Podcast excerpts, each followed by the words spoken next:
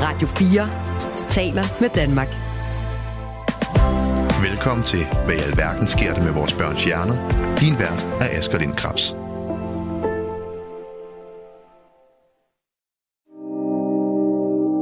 Det er snart fire år siden, at min mellemste søn Storm brød sammen. Han var 10 år. Jeg oplevede det, som om han nærmest fra den ene dag til den anden gik fra at være en glad, social og livlig dreng til et barn ramt af svær depression. Efter et grundigt udredningsforløb konkluderede psykiatrien, at Storm ikke pludselig blev syg, som jeg ellers havde troet. Han var gradvist blevet syg af at gå i skole. I løbet af fire år havde han udviklet social angst, fordi han hver dag frygtede at gøre noget forkert, blive i rettesat eller værst af alt få skal ud. Vi fik at vide, at Storm er født med autisme, og at hverdagen i en skole, der ikke var tilrettet hans autisme, gradvist havde forværret hans sociale angst. Men at han med sin høje intelligens og endnu højere forventninger til sig selv havde trodset angsten hver dag og cyklet i skole. Til sidst blev det for meget, og så kom den totale nedsmeltning. På trods af psykiatriens forklaring på Storms sygdom, ser jeg stadig tilbage med en dyb undren over, hvordan i alverden et glad og kvikt barn kan blive så alvorligt syg af at gå i en helt almindelig klasse på en helt almindelig skole med flest dygtige lærere og søde klassekammerater. Jeg hedder Asger Lind Krabs. Jeg har i denne serie sat mig for at undersøge, hvilke mulige forklaringer der findes på, at et stigende antal børn og unge mistrives. I dette afsnit kigger jeg nærmere på, om vores skoler kan være en af årsagerne. Jeg tager derfor på besøg hos et af de mennesker, der ved allermest om skolens betydning for børns trivsel. Hej Lotte. Hej. Tusind tak, fordi jeg måtte besøge dig her på dit kontor. Og vil du ikke uh, lige starte med at præsentere dig selv?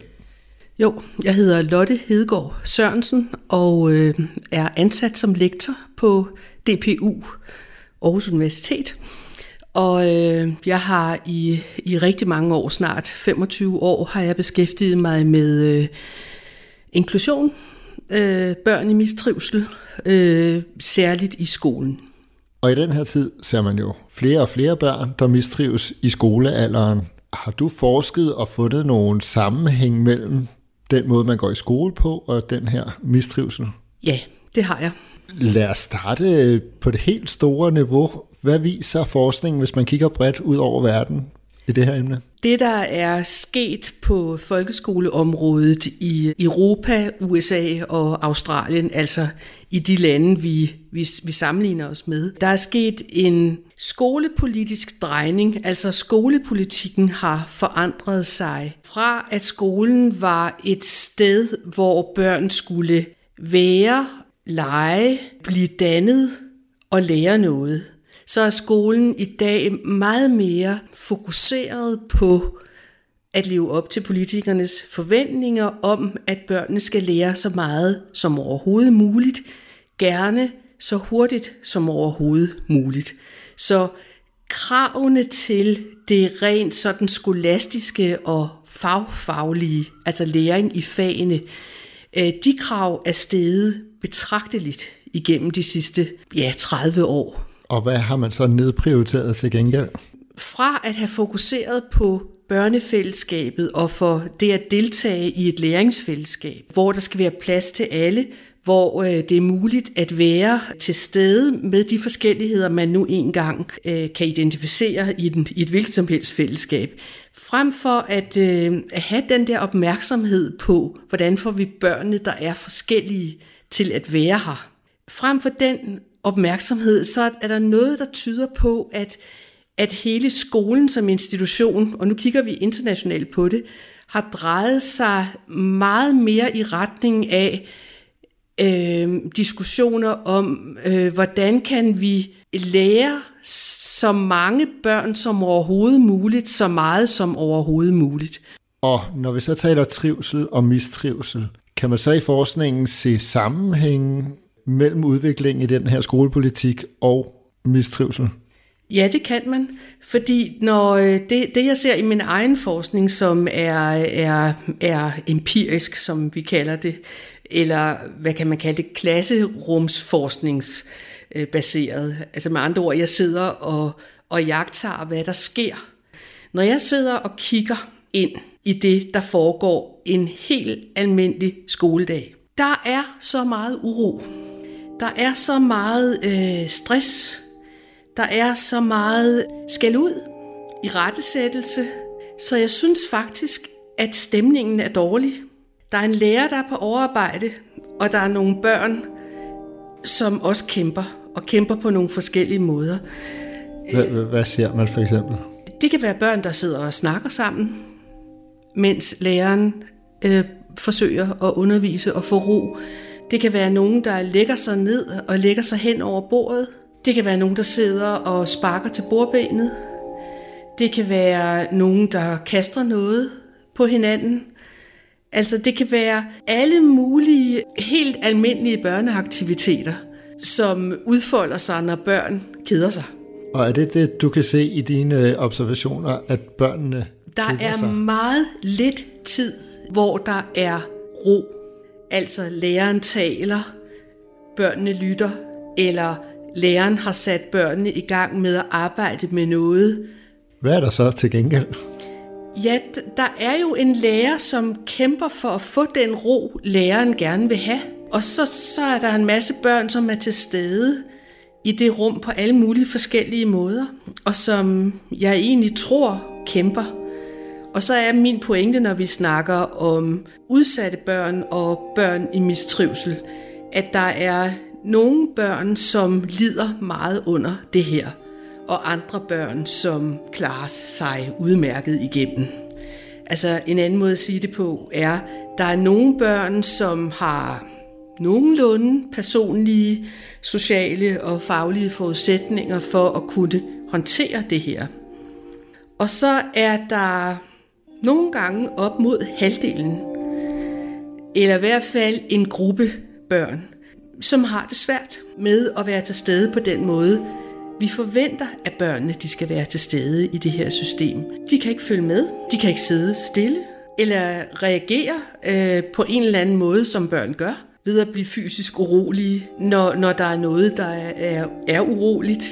Du Øh, taler også om en dårlig stemning. Er det også noget, børnene reagerer på? Ja, der er mange måder at, øh, at være menneske på, og være barn på. og Der er mange måder at øh, reagere på en psykologisk stemning.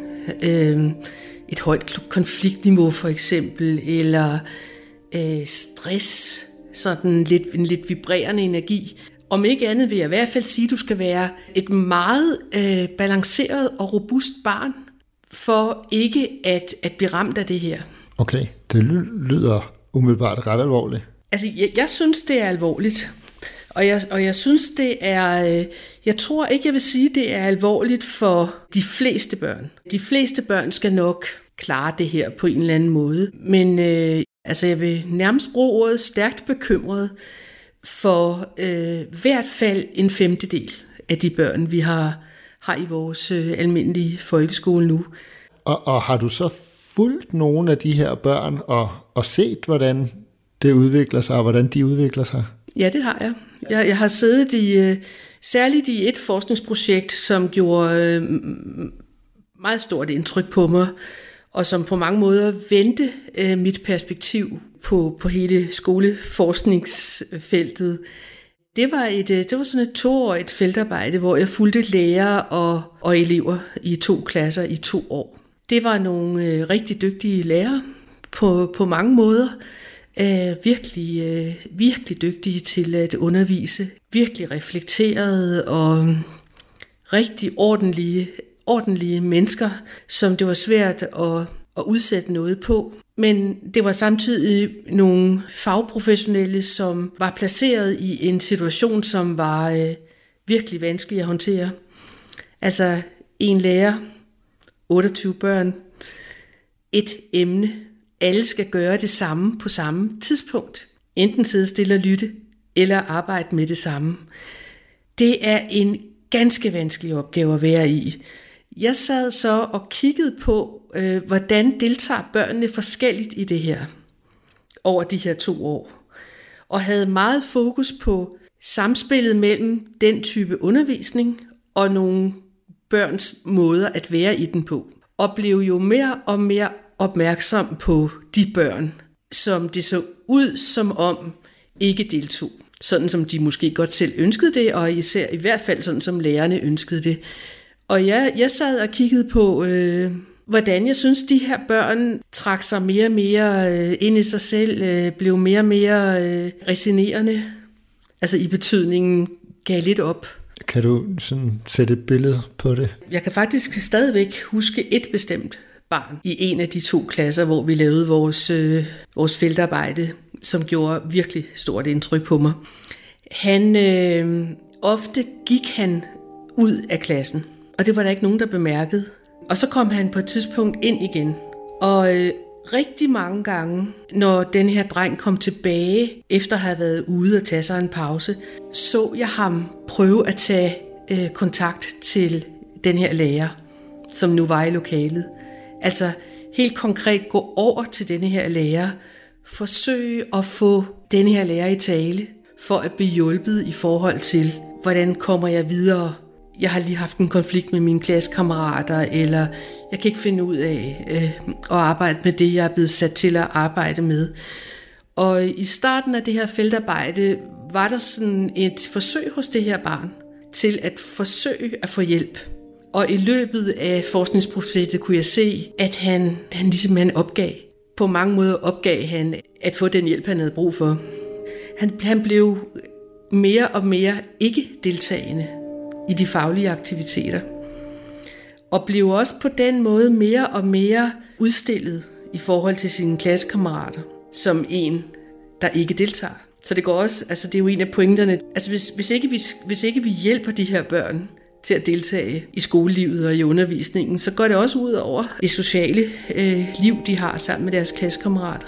De bliver, nogle af de her børn bliver sådan udelukket, ignoreret, Ja, og det er jo svært at vide, hvad der foregår inde i sådan en drengs hoved, men med din faglighed, har du så et, et bud på, hvordan det så føltes at være ham der i den situation? Det, det, altså, jeg er jo ikke psykolog, men, øh, og jeg er heller, kan heller ikke rigtig komme ind i hovedet okay. på de der børn. Tænk men, noget pædagogisk, psykologisk. Ja, jamen, det, det, men, men, det er også, men, men det er jo, altså, det er jo altså, faktisk, øh, synes jeg, det er, det er faktisk et vigtigt spørgsmål. Hvad sker der egentlig med de her børn, der, der har svært ved at finde deres veje øh, i skolen, ikke? i forhold til, hvordan, øh, hvordan skal jeg deltage i det her. Det er faktisk øh, et super interessant spørgsmål. Hvordan opleves det? Hvad gør man af sig selv? Hvad, hvad fortæller sådan et barn sig selv om det? Og det vi, jo, øh, det vi jo ser tendenser til, hvis vi også sådan kigger på det sådan lidt igen i lidt mere i helikopter, perspektiv, så, øh, så ser vi jo en tendens til, at mistrivselen stiger kraftigt, altså den psykologiske, psykiske mistrivsel stiger kraftigt, altså depression, angst, selvskade og, og sådan, nogle, sådan nogle størrelser, og, og flere og flere børn får de her autisme-spektrumforstyrrelsesdiagnoser, og ADHD-diagnosen er i kraftig stigning. Og, og sådan en som mig tænker jo, er det egentlig børnene, vi skal fokusere på og gøre noget ved, hvis vi skal afhjælpe den her mistrivsel? Eller skulle vi give de her børn og deres lærere nogle bedre betingelser for at lave et godt børne- og læringsfællesskab i skolen? Altså for mig bliver løsningen på mistrivselsproblematikken ikke at gå psykologisk til værks eller gå sådan ind i hovedet på børnene, eller ind i sådan et udredningsarbejde. Hvad, hvad er der galt med det her barn? Jeg ville ønske, at vi begyndte i stedet for at kigge kritisk på strukturerne og betingelserne, øh, som vi sætter lærer og børn i. Øh, jeg føler mig øh, altså meget overbevist om, at, at de betingelser skaber øh, psykisk mistrivsel. Og jeg vil ønske, at løsningen på den øgede psykiske mistrivsel rettede sig mod at gøre noget ved det, børnene er i, i stedet for at gøre noget ved børnene. Ja, for jeg har selv tre drenge med autismediagnoser, har jo også så øh, mødt og, og talt med flere andre forældre og set børnene. Og, og det jeg oplever er jo nogle børn, som har brug for noget ret individuelt tilpasset. Øh, altså rigtig svært med en gruppe. Alle, øh, alle skal ligesom det samme på samme tid. Og så har vi jo omvendt skolen og nogle lærere der, som jo virkelig, som du også beskriver, kæmper med alt, hvad de kan for at skabe en ramme, hvor alle ligesom helst skal kunne det samme på samme tid og på nogenlunde samme måde. Den er jo ikke sådan lige til at løse, tænker jeg. Når politikere siger til lærere, at det handler om at lære børnene så meget som overhovedet muligt, og du bliver målt på det, dine resultaterne bliver lagt ud til offentlig beskuelse bagefter. Når du siger sådan til en lærer, så bliver en lærer straks optaget af sit fag, og hvordan kan jeg få øh, så mange børn som overhovedet muligt til at lære det, de skal lære, og som står i det nationale mål, at de skal lære. Det, det, er, jo, det er jo meget øh, forståeligt, at man tænker sådan. Og det bliver så på bekostning af de børn, som ikke lige passer ind i det her system, og måske bliver det også øh, på bekostning af, af fleksibilitet. Altså måske bliver lærerkontrollen, måske er den her lærerkontrol meget tæt forbundet med, at man som lærer føler sig presset i forhold til at leve op til de forventninger, som politikerne har til en. Du lytter til Radio 4.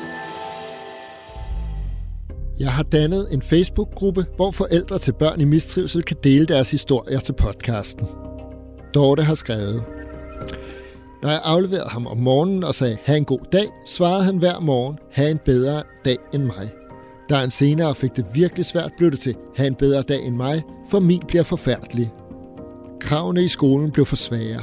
Når han skulle lave ting, han syntes var kedelige eller for svære, flygtede han, enten fysisk eller psykisk – og hans sanselige grænser blev formodentlig overskrevet gang på gang, for eksempel ved krav om bad i gymnastik. Vi kan sagtens se tegn, når vi kigger tilbage, men det var først, da presset blev for stort, at han begyndte at reagere nok til, at andre kunne se det. Min søn væltede i anden klasse. Hvis vi igen så ser på andre lande, så er der jo stigende mistrivsel blandt børn. Ikke kun i Danmark, men i en hel række af de lande, vi så normalt sammenligner os med, og, og internationalt. Jeg går i, kan man lave en årsagssammenhæng og sige, fordi skolen er gået i den her retning, så er der blevet flere børn, der mistrives? Øh, jeg, jeg kan jo ikke bevise det. Jeg kan ikke, ens, jeg kan ikke en til en sige, at en bestemt skolepolitik fører til mistrivsel på nogle bestemte måder.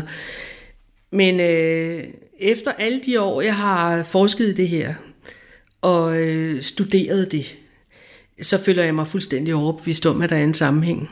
Hvis man går tilbage i tiden og skolegang for flere årtier siden, måske også før jeg var barn endda, den var jo, tænker jeg, hårdere, der var mere mobning, tænker jeg, der var nogle skrappere lærer, der var mere skæld ud, der var sikkert også mere ro i klasselokalerne. Altså, er skolen ikke blevet bedre siden dengang? Det, det synes jeg virkelig er et godt spørgsmål. Som jeg, det, det, har, det har jeg faktisk øh, selv tænkt utrolig meget over. Ja. Og, og hvis jeg skal være helt ærlig, så tror jeg, øh, eller jeg tænker om det, at skolen har ikke forandret sig i takt med alle de andre forandringer, vi har set på børneområdet i forhold til, hvordan det er at være forældre, hvor meget børn får lov til at fylde i dag i et familieliv, øh, hvor meget intimitet og ligeværdighed der er i relationen mellem børn og voksne, øh, hvor meget børn har fået medbestemmelse, hvor meget hele det, vi kalder individualiseringen, har sat sig igennem øh, i, i samfundet og i kulturen generelt. Så jeg, jeg, øh, jeg tænker, at der er, det er sådan lidt asynkront. Skolen bliver ved med at være lidt på den samme måde, og, og der, der mener jeg, der kommer en lærer ind med et fag. Læreren taler, børnene tiger stille, børnene sættes i gang med at arbejde med noget. De forventes at sætte sig på et bestemt tidspunkt, når lærerne instruerer dem i det. Altså på mange måder er det en meget lidt elevcentreret skole. Og, øh, og, og det tror jeg ikke er hensigtsmæssigt. Altså jeg, øh, i, i både min egen og andres forskning, som jeg læser mig ind på nu i forhold til at, at arbejde med at udvikle skolen og udvikle undervisningen, der, der bliver det her med øh, øh at afgive lærerkontrol, at gøre børnene aktive, at øh, styre, at lære styre mindre, og at børnene får, får mulighed for selv at styre deres, øh, øh, deres læringsaktiviteter, og, og, og at børnene på mange måder sådan bliver selvinitierende. Det, det, jeg tror, det er den vej, vi bliver nødt til at diskutere, hvis vi skal diskutere, øh, hvad gør vi ved mistrivselen. Vi bliver nødt til at diskutere, hvordan får vi skolen til at blive den skole, der passer til de børn, vi har i dag. Og, og jeg tænker også bare som familiefar, at, at, at jeg har jo nok også været med til at opdrage mine børn på en måde, hvor at, at jeg mener bestemt, vi sætter rammer, men, men jo hvor vi lytter rigtig meget, og, og, og en form for ligeværd og, og samarbejde, og, og har egentlig også oplevet det i daginstitutionerne langt hen ad vejen, at når så vores søn, han altså virkelig gerne vil gøre det på den her måde, så, så prøvede de også, om, om så ser vi, om ikke også det kan fungere. Og så kom man i skole, og så var der jo ikke mulighed for sådan fleksibilitet. Alt forståelse for det med den måde, øh, skolen er indrettet nu. Men man kunne vel også sige til alle os forældre, I er simpelthen nødt til at opdrage jeres børn på en anden måde, så de kan indgå i en skole. Mm. Og diskussionen ligger meget der, synes jeg, imellem lærere og forældre. Altså, skal forældrene opdrage deres børn til at være sådan nogen, der indordner sig og tilpasser sig samfundets skole? Eller skal skolen blive dygtigere til at give plads til øh, den type børn, som kommer ud af den måde, vi i vores samfund har og i vores kultur har udviklet os i forhold til omgangsformer og individualisering. Og bare lige for at forstå, altså når vi så taler trivsel, mistrivsel, er det så den her modsætning måske med det, børnene kommer med over for de rammer, der er i skolen, som kan være med til at udløse mistrivsel? Ja, det, det tror jeg. Eller man kan sige det på en anden måde, hvis at det, det, det der er mit hovedargument er, at vi ikke skal, skal kigge så meget til børnenes og deres indre psykologiske tilstande, hvis vi vil løse denne her mistrivselskonflikt. Men at vi i stedet for kigger på at udvikle skolen. Jeg kan se, at de børn og unge jeg, og forældre, jeg taler med i den her podcast, der virker det som om noget, der i hvert fald går igen, det er, at de børn og unge har taget rigtig meget ind, følt sig forkerte, følt sig anderledes i for eksempel skolens fællesskab. De bliver ikke øh, sure og skælder ud på nogen og siger, det er også deres skyld, eller det sådan rigtig meget bliver taget ind, at det har sat sig som sådan helt grundlæggende, jeg, jeg, øh, der er noget galt med mig følelse og det er det, der har fået dem, eller har været med til, at, at de vælter. Ser du en, hvordan ser du det i sådan en skolesammenhæng? Hvis vi bliver ved med at lave skole, som vi har lavet skole i rigtig mange år, så vil vi jo blive ved med at øh, skabe en skole, som det er svært for nogen at deltage i. Og, og når vi samtidig ved, at det ikke at begå sig godt i et eller andet fællesskab bliver noget, man påtager sig et individuelt ansvar for. Altså at man bebrejder sig selv, at man ikke deltager på en god nok måde i skolen. Det bliver til et individuelt ansvar og mig som individ, der fejler. Tendenserne er, at vi påtager os alle sammen et individuelt ansvar. Vi vender det indad. Hvis vi skal gøre noget ved det, fordi det er jo at gøre noget ved mistrivsel, så skal vi tale om og håndtere problemstillinger som noget, der ligger uden for individet. Og det har været øh, ret upopulært at, at sige, at det er samfundets skyld ja. i mange år. Det har på en eller anden måde, altså det har jeg i hvert fald tydeligt oplevet, at det har været øh, sådan lidt øh, uleset at, at, at ligesom snakke om betingelser og ressourcer og prioriteringer og altså det, det har været det er blevet sagt igen og igen og igen og jeg tror det er blevet sagt så meget så så vi alle sammen er kommet til at tro på det at øh, at det handler ikke om betingelserne det handler om dig som individ og du må jo gribe de muligheder der har der er. Du må du lever i et frit samfund der er ikke stærke autoriteter, øh, når du er barn, øh, der øh, tvinger dig til noget som helst. Dine forældre og dine lærere er de venligste mennesker i hele verden, der vil dig det bedste.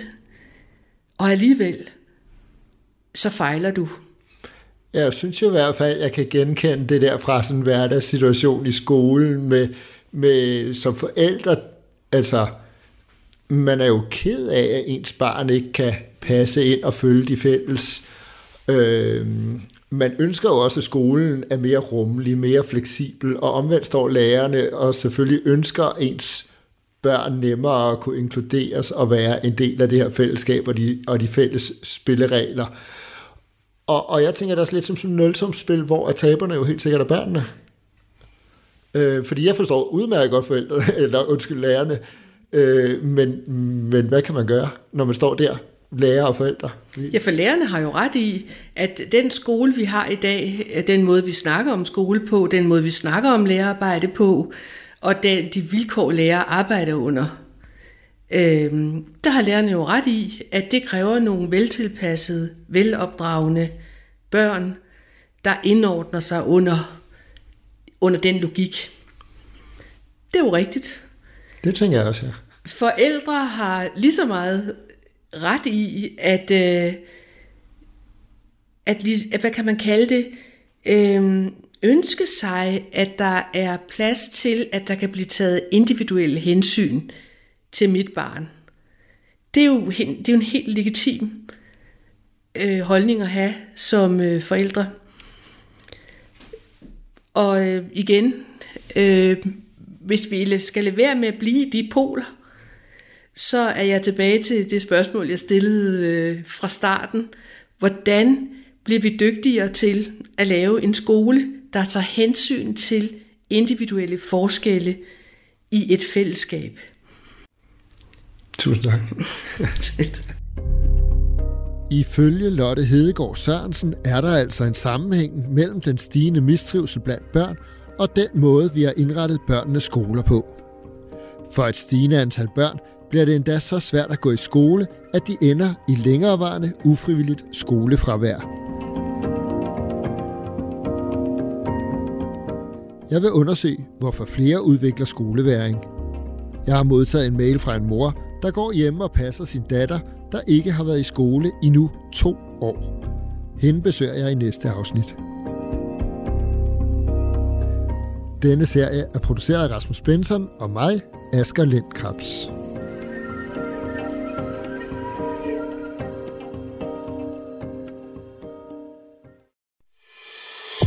Du har lyttet til en podcast fra Radio 4. Find flere episoder i vores app, eller der, hvor du lytter til podcast. Radio 4 taler med Danmark.